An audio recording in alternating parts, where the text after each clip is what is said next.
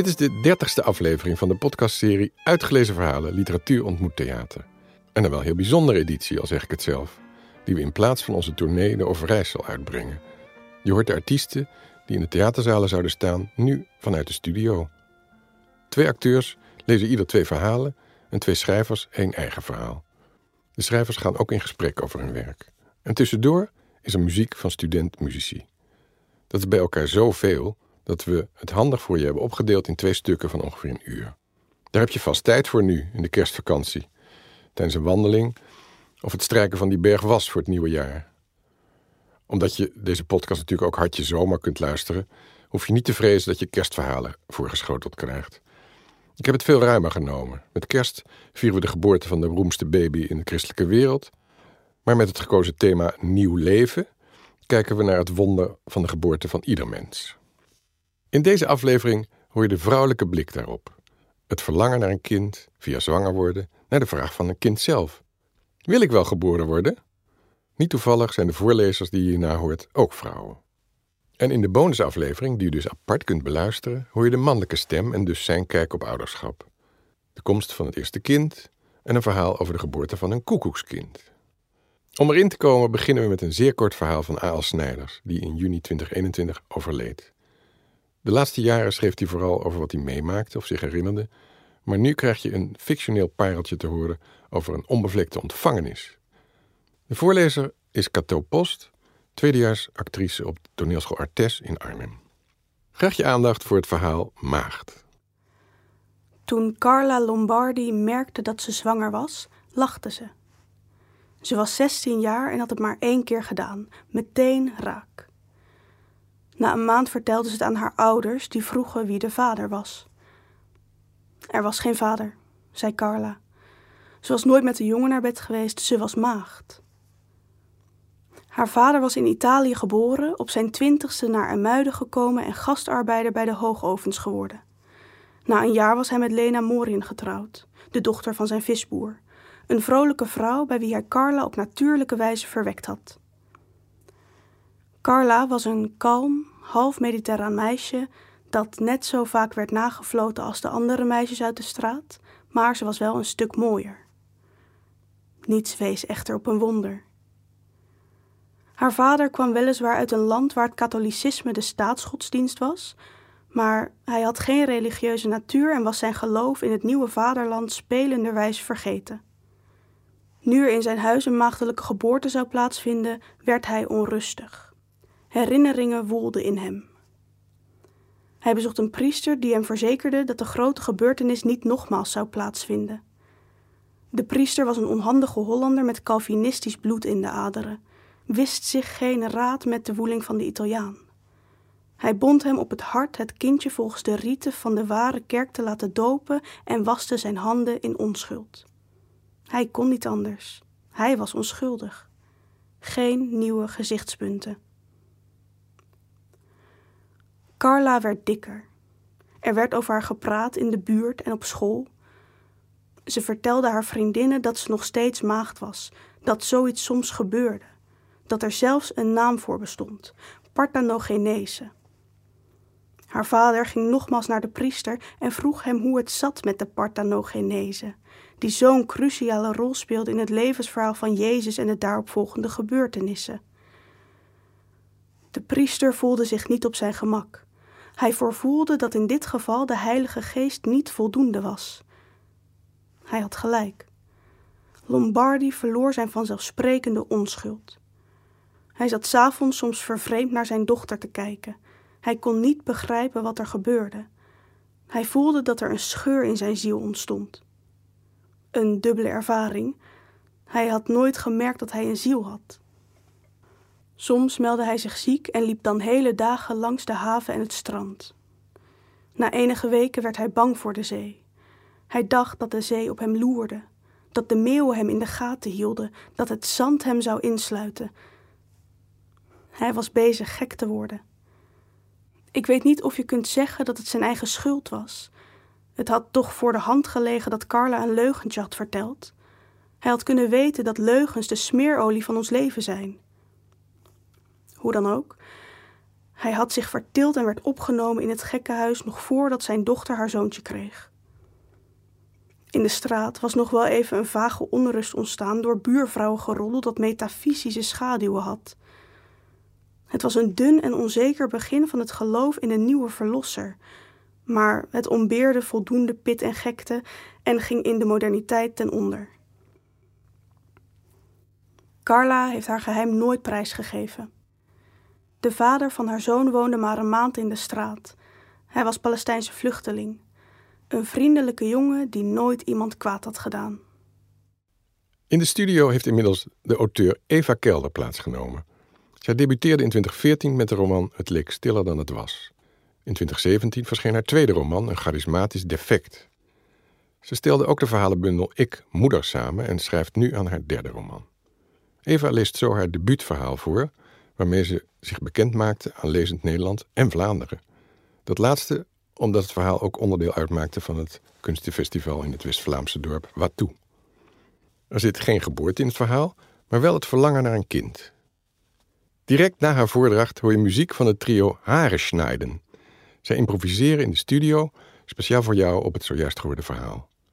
Daarna praat ik na met Eva. Luister nu naar Ludwig. Ik leerde Ludwig kennen in een periode van mijn leven dat het niet zo lekker ging. Wat er precies aan de hand was, doet er niet toe. Laten we zeggen dat de dingen niet gingen zoals ik het wilde. Zelfs de postbode trok zich daar niets van aan en bezorgde keer op keer dezelfde mediabox waar ik nooit om had gevraagd. Het was op zo'n ochtend, toen ik de deur uitging met de mediabox onder mijn arm geklemd, dat ik bijna tegen Ludwig opbotste. Hij vertrok geen spier. Alleen zijn staart sloeg één keer van links naar rechts.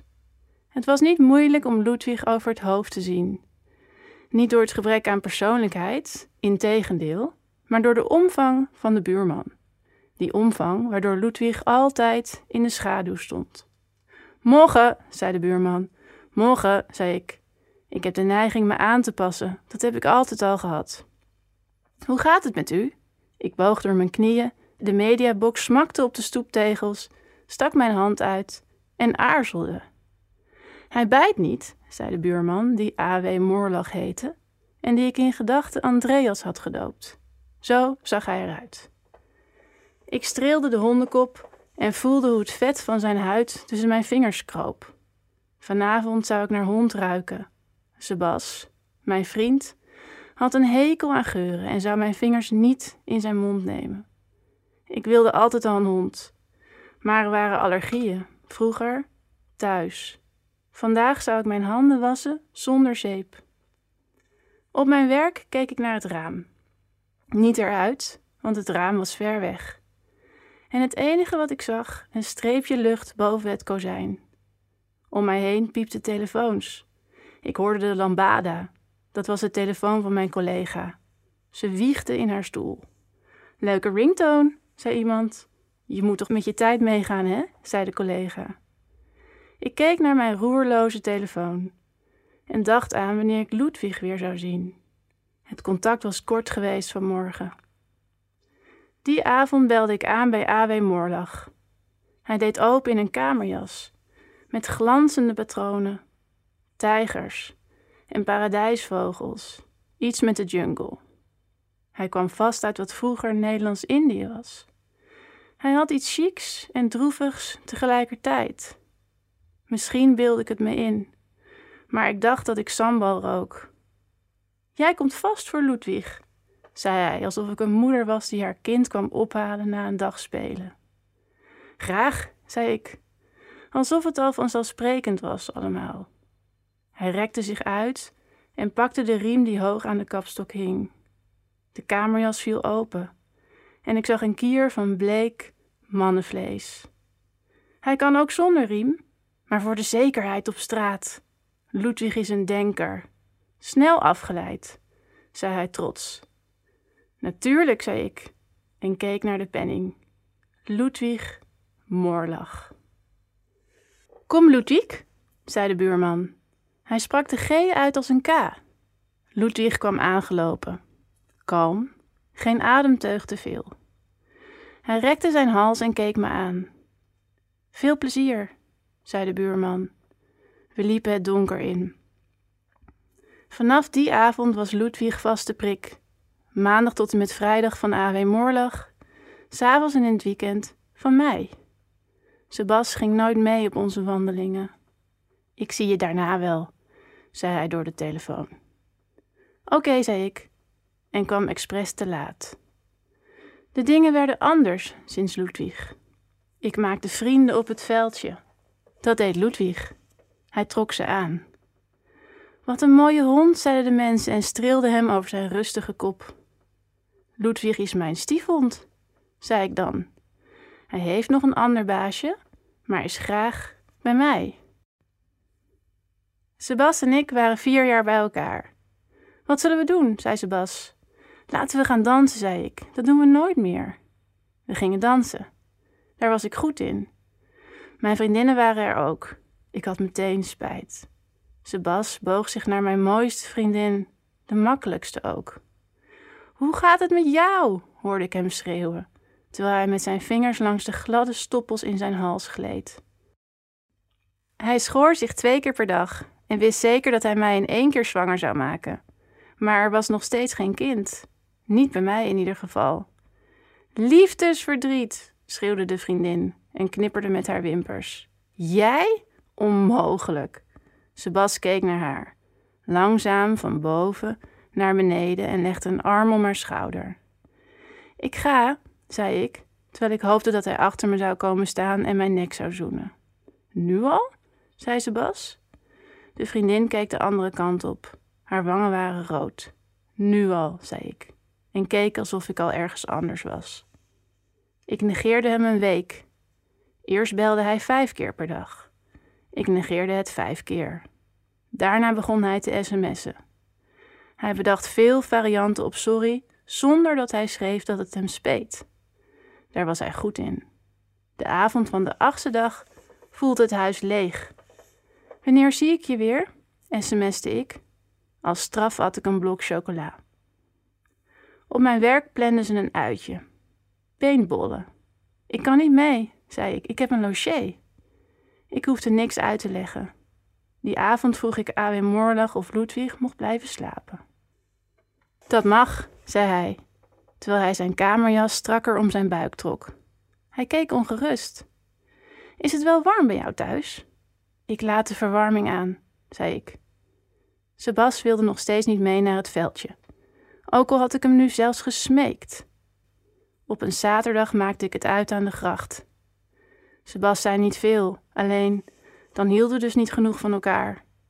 Mijn tranen vielen in het schuim van mijn bier. Geruisloos. Ik dacht dat ik de enige was met twijfels. We liepen naar onze fietsen met veel ruimte tussen ons in. Toen we de fietsen van het slot haalden, sloegen de kettingen tegen het metaal van de brug. Ik voelde tussen mijn kiezen, die ik op elkaar geklemd hield omdat ik geen woorden meer had. We zeiden gedag en lege dingen als: Het ga je goed. Opgelucht fietsten we allebei een andere kant op. Was het toch nog ergens goed voor dat hij in Oost woonde en ik in West? Het was een mooie dag, eigenlijk. De zon scheen op het water en de mensen in bootjes dronken rosé. Joehoe, joelde er een. Vast niet naar mij, dacht ik. Ik sloeg de hoek om van mijn eigen straat. Voor mijn deur stonden mensen. Ze keken naar het water. Hun gezichten hadden een vreemde kleur, tussen rood en roze in. Hun monden hingen een beetje open, alsof ze het antwoord niet wisten op een moeilijke vraag. Wat is er aan de hand? vroeg ik. Liever was ik gewoon naar binnen gegaan. Ik hield niet van aapjes kijken. Maar ze stonden voor mijn voordeur, rijen dik. Er ligt een man in het water, zei een vrouw met kort hennenhaar. Hij is dood. Ze keek alsof ze dat zelf had vastgesteld, na onderzoek. Ik zag het zelf zo ook wel. A.W. Andreas Wendel Moorlag dreef op zijn rug, alsof hij de bootjes van dichtbij had willen bekijken. Al dat vertier. Ze voeren om hem heen, in brede banen. Golfjes klotsten over zijn buik, die nu nog dikker leek. Of kwam dat door het water dat in zijn lichaam trok? Zijn handen lagen gevouwen op zijn borst. Wat is er gebeurd? vroeg ik. Zelfmoord, zei de vrouw, alsof er maar één waarheid was. Ik zag het grijs bij haar slapen. Ik vond het erg voor Andreas Wendel Moorlag, wat ook de reden was waarom hij daar dreef.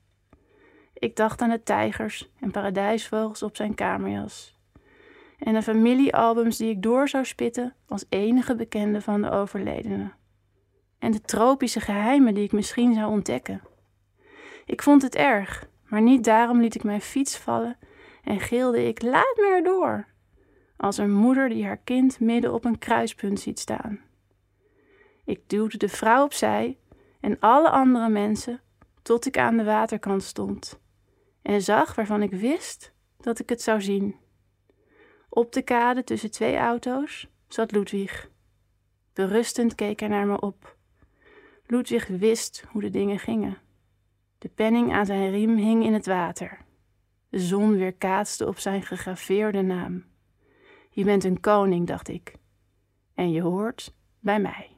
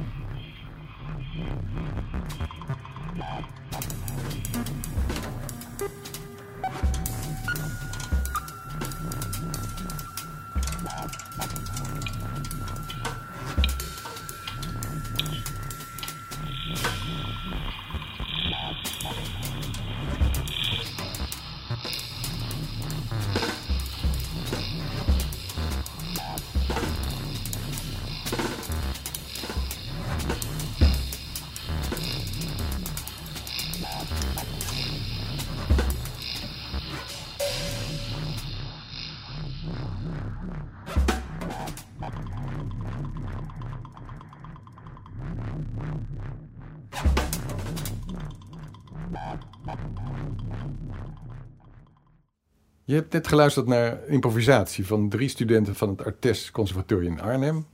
Frederik Taubenheim, Marius Lam en Mikula Schulz. Ze spelen zoals gezegd samen onder de naam Harenschneiden. En zijn nog drie keer te horen in deze aflevering en de bonus.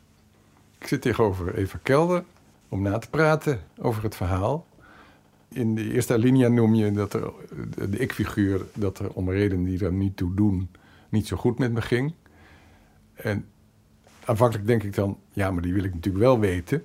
Ja. Ehm, maar gelukkig, tenminste, zo voel ik het aan, worden die ook uitgewerkt in het stuk verder, dus in het verhaal. Ja. Dus dat deed me goed. Ja, Ehm dit is eigenlijk geen vraag, maar meer een feedback. ja precies. Een verhaal. soort eh, een analyse eigenlijk. Ja, Ja, ja, Ehm. ja.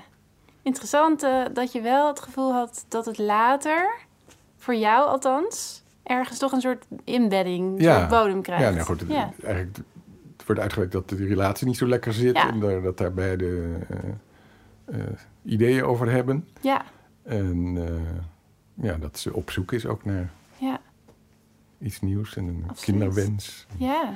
Ja. En eenzaam is, denk ik. Op zoek naar geborgenheid. Mhm. Ja, een soort vacuüm is er volgens mij ook wel op dat werk. En je kiest niet voor niets voor een hond om je aan te verbinden. Ja.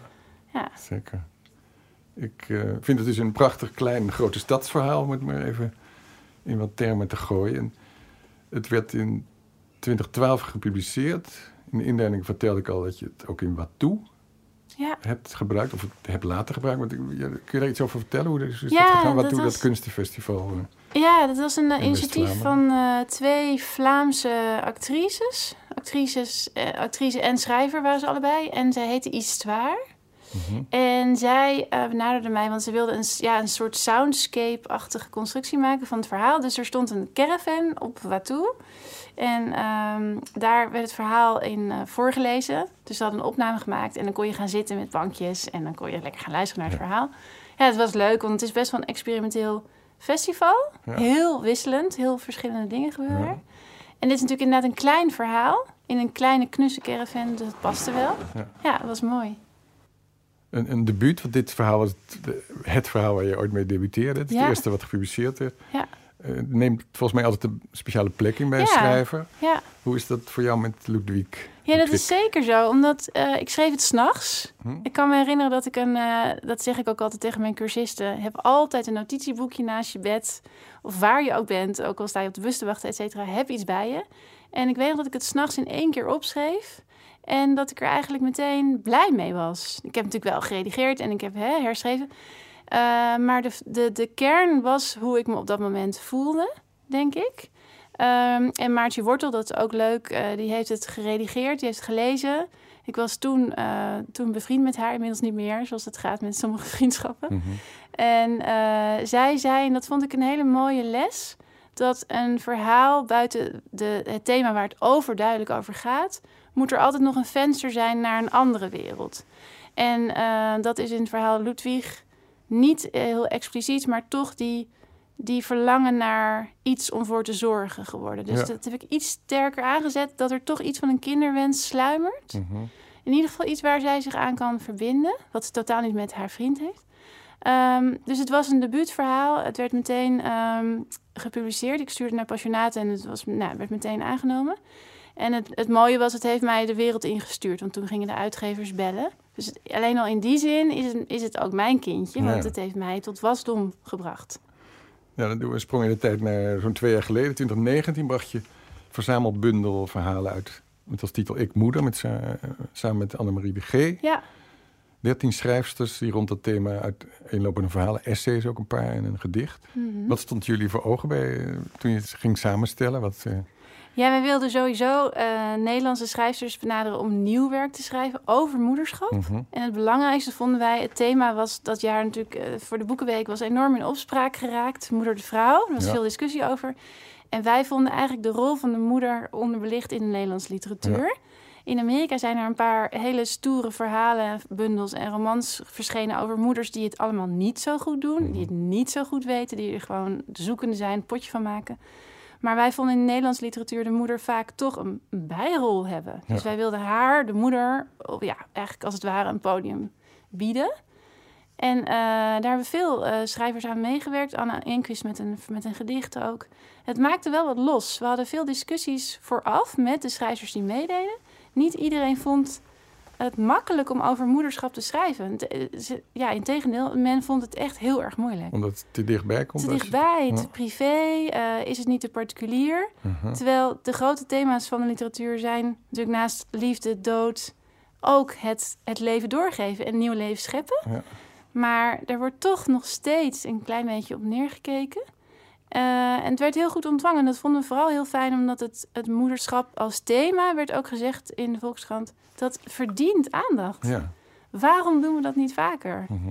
En het mag ook wel wat experimenteler en wat rauwer. En dat, nou, dat hebben wij in ieder geval geprobeerd te doen. Ja. En een verhaal van Sanneke van Hassel, wat erin zat, elf, heb ik later... Ik wist niet dat het ook in deze bundel stond, maar ik heb het later uit haar bundel geselecteerd om in theater te laten voorlezen. Oh, wat, oh dat leuk. werkte ook heel goed. Tenminste, de, de, de, actrice zelf vond het geweldig om te doen. Fantastisch. En, ja. Ja, het is een van mijn lievelingsverhalen eigenlijk uit de bundel. Mm Ik vind het misschien wel het mooiste verhaal. Je bent een groot fan van het korte verhaal. Ja. Zag ik in een bijna zes jaar oude biecht op de website van uh, Jema Biesheuvelprijs. ja. Um, toch zie ik in je bibliografie nog geen verhalenbundel staan, hè? Klopt, het was ooit, ja. het is toch, ik heb een beetje de, de nou ja, zeg maar een knieval gemaakt voor um, wat de uitgever wilde in samenspraak met mij. Het plan was om na mijn debuut een verhalenbundel te publiceren. Maar omdat dat toch een ondergeschoven kindje is, uh, hebben we besloten om dat niet te doen. Vanuit het idee van schrijf eerst een aantal romans en als je dan je naam enigszins hebt gevestigd, kom dan met die verhalenbundel. En ik heb er geen spijt van, maar het is wel een beetje de traditionele weg. Ja. Het is natuurlijk ook stoer als je juist zegt van... ik, ik lap al die regels aan mijn laars. Ik kom niet met een roman. Ik, ik kom met een verhalenbundel. Ook al wordt die misschien amper gelezen. Dus uh, ja, wie weet. Ik vind het wel... Er wordt natuurlijk ook gezegd, hè, het is de moeilijkste vorm. Kort verhaal is moeilijker dan een roman of een essay, een gedicht, et cetera.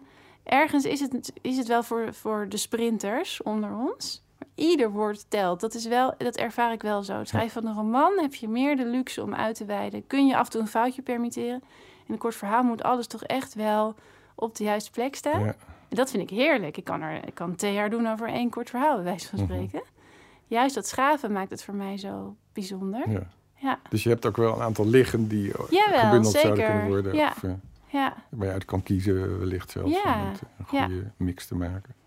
Ja. Dus daar kunnen we naar uitkijken, alleen nog niet wanneer. Nee, precies. Cliffhanger. Ja.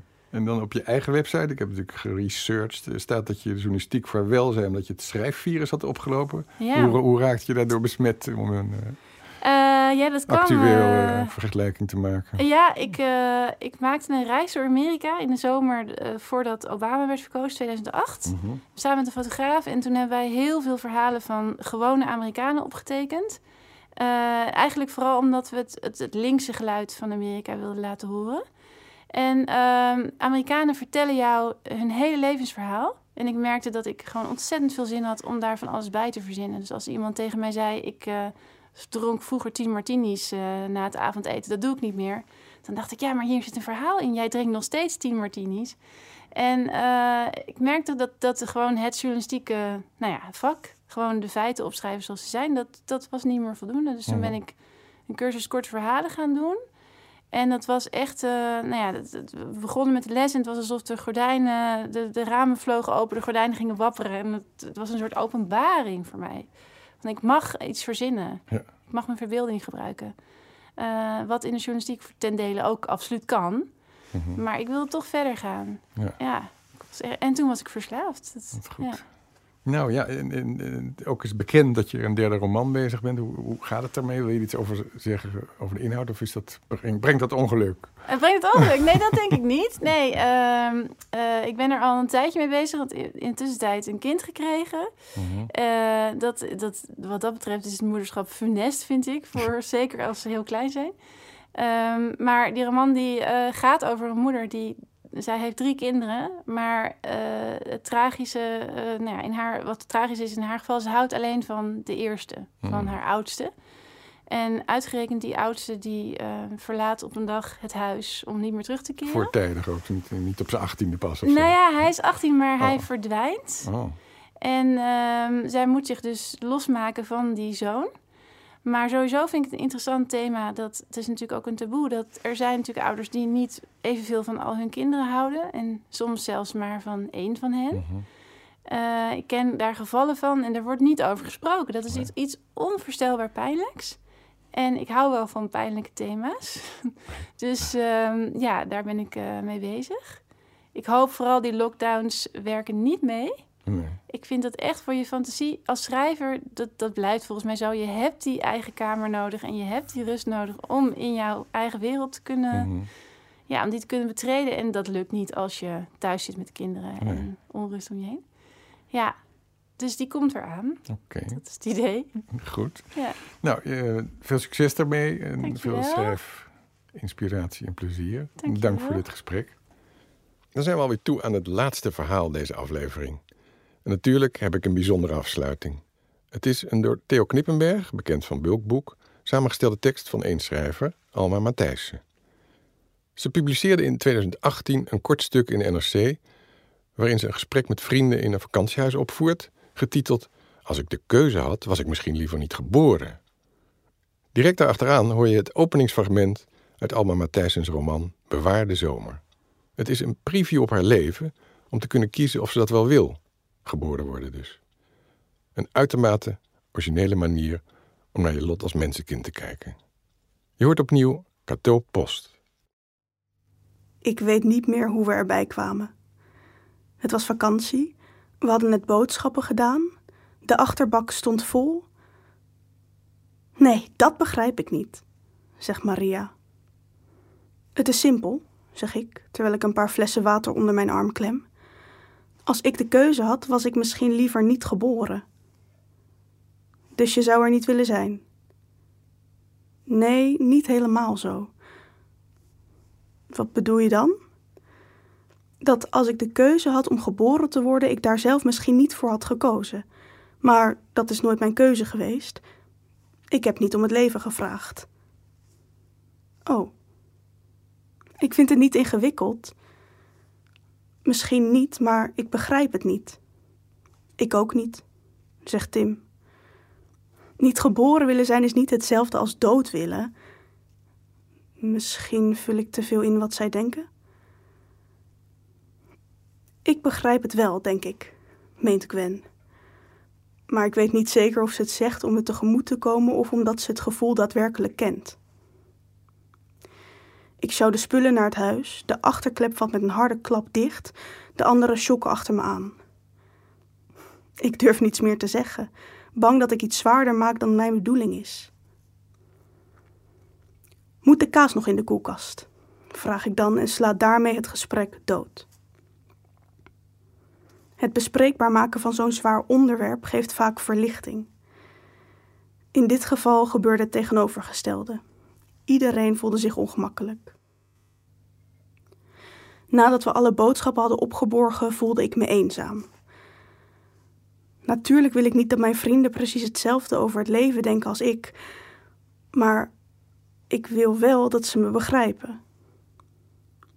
Sommige ouders maken een bewuste keuze om een kind te krijgen, met Excel-bestanden over de geschatte kosten en verhuizing naar kindvriendelijke buurten. Anderen denken er geen moment over na. Sommige mensen willen een kind om hun partner aan zich te binden en prikken een gaatje in een condoom. Waarom ben ik hier?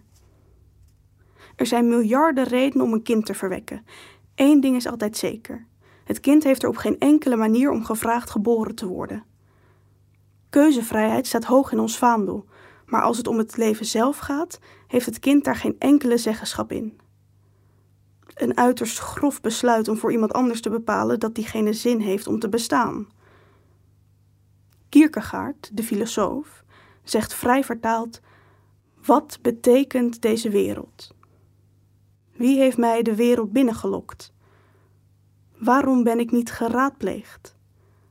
Waarom heeft niemand me verteld over de zeden en gewoonten, in plaats van me tussen de gelederen te werpen alsof ik gekocht ben door een ontvoerder, een handelaar in zielen? Het zijn vragen die me als kind nog meer bezig hielden dan nu. Waarom ben ik hier? Wat is de aarde? Wat is de mens? Volwassenen zeiden dan altijd dat het geen zin had om daarover na te denken. Ik zou er toch niet uitkomen. Maar nu, 25 jaar later, ben ik er nog steeds mee bezig. Ik ben geen antwoordrijker, heb er alleen maar tientallen vragen bij. Waarom mocht ik niet besluiten om een mens te zijn? Of, als ik daar wel een beslissing over heb genomen, waarom herinner ik me die niet meer? We mogen niet over iemand anders zijn dood besluiten. Veel landen denken daar in praktijk anders over als het om criminelen gaat, maar laten we ons beperken tot het Nederlands gedachtegoed. Waarom mogen we dan wel met zoveel gemak over iemands geboorte beslissen? Ik zou graag hebben meegedacht over mijn eigen bestaan. Deze vraag hadden vooraf aan me gesteld moeten worden. Zou je willen leven? Heb je er zin in? Je zult veel shit meemaken en als je geluk hebt ook wat heerlijks. Het ligt allemaal aan je kijk op de wereld. Graag een keuze. Wat als er een sneak preview is en ik aan het eind daarvan moet besluiten of ik de lange versie wil? Zeg ik dan ja of nee? Ik had graag een keuze gehad. Neem plaats. Je weet wat er nu staat te gebeuren? Ik hoef dat niet meer uit te leggen? Goed zo. Ga maar liggen op de behandelstoel. Laten we gelijk van start gaan. Nu volgt een heel klein prikje. Op die manier kan ik je gegevens aflezen. Je snapt dat we niet veel tijd hebben? Je ouders zijn op dit moment, eh, hier noemen we dat, bezig. Nog heel even geduld. Niet schrikken. Je locatie. Eens kijken. We hadden vanochtend een glitch in het systeem. Als het goed is, is die inmiddels verholpen. Maar het zou kunnen dat sommige zoekacties iets langer duren. Ah, juist. Je wordt in 1984 geboren in Nederland. Het op vijf na gelukkigste land ter wereld. Een rijk land, in de top 20. De voorzieningen zijn allemaal redelijk tot goed op orde. Geen grote alarmbellen hier. Eens verder kijken. Je zou geboren worden in Amsterdam, dat is de hoofdstad. Criminaliteitscijfers zijn redelijk hoog, vergeleken met de rest van het land. Al vraag ik me af of je daar last van zult krijgen, dat weten we natuurlijk nooit. We kunnen geen voorspellingen doen. Ik kan je slechts de getallen geven. Je ouders wonen op het Molenpad, een straat verstopt tussen de Prinsen- en Keizersgracht. Oh, erg mooi. Wel aan de kleine kant. Uh, ze zijn allebei geboren in Limburg en voor hun twintigste naar de hoofdstad verhuisd. Je moeder werkt aan de universiteit, ze doseert Nederlands. Je vader is violist en speelt bij verschillende orkesten. Hij heeft moeite een baan vast te houden. Ze zullen je Nederlands leren, een logge taal, als ik zo vrij mag zijn. Mijn superieuren hebben me er laatst op aangesproken. Ik mag niet meer zo oordelen. Maar dat is net wat ik zo plezierig vind aan dit werk. Nou goed. Uh, jij zult met een harde G praten, omdat je opgroeit in het noorden. Al zullen je ouders de zachte G aanhouden. Maakt weinig uit, maar toch leuk om te weten. Dit soort opmerkingen moet ik dus laten. Oké, dan iets bepalends. Je geslacht. Ik zou je willen zeggen dat het weinig uitmaakt, maar dat is helaas niet zo. Ach ja, je wordt geboren met een vagina. Spijtig. Daar kom ik later nog wel even op terug. Eens even in de genen kijken. Ik zie astma. Nou, daar valt mee te leven. Uh, excuus. Ik zal geen oordeel proberen te vellen. Daar moeten wij ons verre van houden. Alles opdat je een weloverwogen keuze kunt maken. Astma dus. Slechte ogen, het is uiteraard nog niet gezegd dat je die dan ook krijgt. Ik zie schizofrenie in de familie, een oom. Ik zie Down, nog een oom. Kanker, meervoudig kanker, allemaal ooms. Suikerziekte, hoge bloeddruk, zwaarlijvigheid. Tja, uh, ik zal geen oordeel vellen. Eens even kijken naar hun relatie. Ze zijn getrouwd, maar dat hoeft weinig te zeggen. Al lange tijd samen.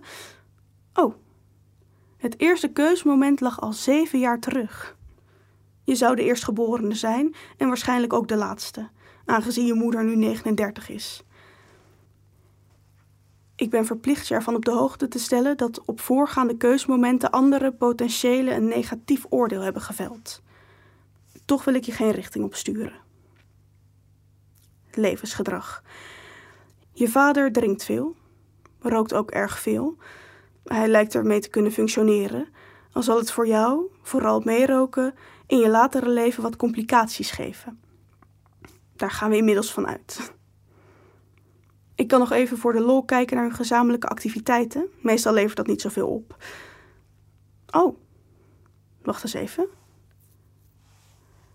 Ze hebben een huis in een ander land. Dit is wel van belang. In Italië. Daar brengen ze hun zomers door. Inmiddels al meer dan acht jaar. De kans is groot dat jouw zomers daar ook plaatsvinden. Eens naar de demografie kijken. Het huis staat in een vallei, omringd door bergen, uitlopers van de Alpen. De kindersterfte ligt een stuk hoger in die regio, maar je zult er niet geboren worden. Je vader heeft een goede band opgebouwd met de boeren in de omgeving. Je ouders spreken beide Italiaans. Kans bestaat dat jij het ook snel leert. Heb je al een beeld? Geef nog maar geen antwoord. We hebben de hele ervaringstest nog niet gehad. Het menselijk leven is uiterst complex. Je gaat duizend verschillende emoties meemaken. We zullen je daar een aantal van laten meemaken, zodat je keuze nog iets meer kunt onderbouwen. Als eerst verliefdheid. Probeer je te concentreren, dan leg ik de sensoren aan. Daar zul je niets van voelen. Ben je klaar? Sommige, of eigenlijk de meeste zaken die je zo zult voelen, kunnen traumatisch zijn. Maar maak je maar geen zorgen, je zult alles vergeten als je eenmaal gekozen hebt. Zet je schrap voor de facetten van het leven. Dit is mijn lievelingsgedeelte. Als eerste, wat is het om verliefd te zijn? Dat voelt goed, niet? Iets wat vreemd wellicht? Een haast allesomvattend gevoel dat je hele denkproces zal overnemen. Wanneer je verliefd bent, is alles gekleurd. Zelfs het eten van een simpele stampot kan je plotseling overrompelen.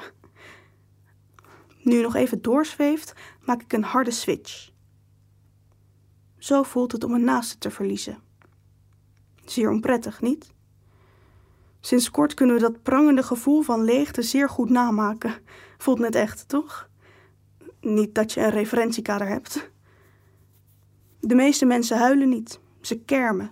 Hun binnenste wordt uitgehold met een lepel langs de ingewanden. We hebben miljoenen gevoelens gescand en daar een mengeling van gemaakt. Het zal nooit precies zo voelen als in het echt, maar het geeft je een relatief goed idee van hoe het in de werkelijkheid zal zijn. Je tolerantiebarometer zit diep in het rood.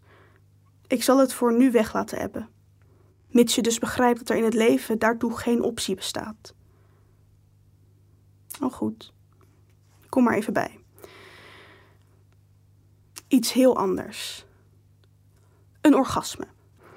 Het is in de meeste gevallen een kort gevoel, je hebt er verder weinig aan. Zie het als een mooie bijkomstigheid van het leven. Ready? Dat was het al. De aanloop er naartoe maakt het vaak nog intenser. Als je niets tegen mijn baas zegt, kan ik je het orgasme nog eens laten voelen. Ja? Akkoord. Prettig, niet? Die trilling hoort er inderdaad bij. We moeten door. Niet veel tijd tot je helemaal niets meer waard bent. Dan hoef je niet eens meer een keuze te maken. Zo voelt het om verkracht te worden. Omdat je een vrouw wordt, is de kans een stuk aanzienlijker, daarom wil ik hier toch op attenderen. Zeer onprettig, niet? Iemand die binnendringt in je lichaam. Je lijfelijkheid zal je grootste bezit zijn tijdens je leven. Niet veel mensen realiseren zich dat. Als een ander zich dat toe-eigent, kun je daar je hele leven last van hebben. Ik zou je willen waarschuwen hiervoor, maar het heeft weinig zin. Het is een kwestie van pech. Als je man was, had ik je niets laten voelen. Die kans is 1 op 25. Aanzienlijk minder dan bij vrouwen in Nederland. Oh, je duikt weer diep in het rood. Je tolerantiewaardes baren me eerlijk gezegd een beetje zorgen, maar ik vel verder geen oordeel. We hebben nog weinig tijd. Een keuze moet rap gemaakt worden. Ik heb nog tientallen levenservaringen waar je nog geen kennis van hebt genomen. We kunnen er nog één doen. Wil je voelen hoe het is om te baren? Of liever het moment dat je kind voor het eerst je vinger vastgrijpt? Als je een kind krijgt natuurlijk, daar, kan ik niks over zeggen. Wil je voelen wat het is om geliefd te zijn? Waardering van collega's? Drugs? Gepest worden op school? Dat kan een zeer nare ervaring zijn. Eigenlijk mag ik mijn klanten niet laten kiezen, dat leidt alleen maar af. Goed, ik kies voor een eigen favoriet: chocolade. Chocolade die smelt. Prikkels van je keel tot aan je tenen. Een voldaan gevoel, als je er tenminste van houdt. Dat kan ik hier onmogelijk aflezen. Tijd is om. Je zult nu een keuze moeten maken. Ik heb je hopelijk een zo volledig mogelijk beeld gegeven van je aanstaande leven. Nu is de keuze aan jou. Kies je ervoor geboren te worden? Kies je ervoor te leven in een wereld waar pijn en verdriet elkaar kunnen opvolgen? Kies je ervoor om uiterste vreugde te ervaren, soms zo gelukkig te zijn dat je niet weet hoe je al die energie kwijt moet? Kies je ervoor om met andere mensen verstrengeld in een bed te kruipen en tegelijkertijd niets van elkaar te begrijpen? Kies je voor de rommel die een leven met zich meebrengt? De saaie avonden met je ouders? Kies je voor een verscheurd hart dat krijst met alles wat het in zich heeft? Kies je voor het leven? Voor twijfel is nu geen tijd meer. Je moet kiezen. Een keuze. Elke keuze is goed. Als je niets doet, sterf je af. Ik kan je niet goed horen. De tijd raakt op. Je conditie is al aan het verzwakken. Ja? Dat is positief. Dan moet je nu beginnen met zwemmen. Nu, door die deur aan het einde van de gang. Sneller, harder, sneller. Ik was je nog vergeten te zeggen, ze zullen je Alma noemen.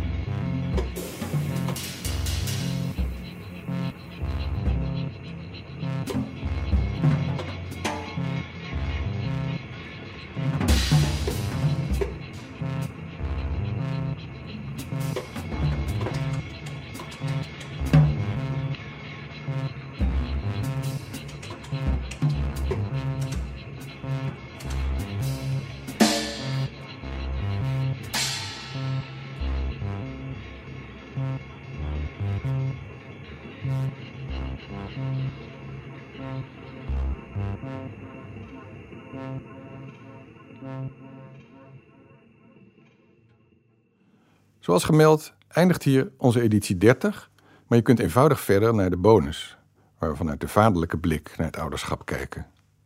Onze subsidiegevers zijn de provincie Overijssel, de gemeente Deventer en de gemeente Enschede. Aan deze aflevering werkten mee Eva Kelder, Cato Post, Alma Matthijssen, Aal Snijders, het trio Harenschneiden, bestaande uit student-muzici Frederik Traubenheim, Marius Lam en afgestudeerde Mikola Schulz. Verder Katenka Woudenberg voor de coaching van Cato Post, Huub Krom van Studio Orbit en Raul Soentke van EdgeTip verzorgden de opnames. Dirk-Jan van Ittersum tekent voor de montage en de mastering van de audio. De herkenningsmelodie is van Instant Classical, Amir Swaap en Sietse van Gorkom. Mijn naam is Pieter van Scherpenberg. Tot een andere keer.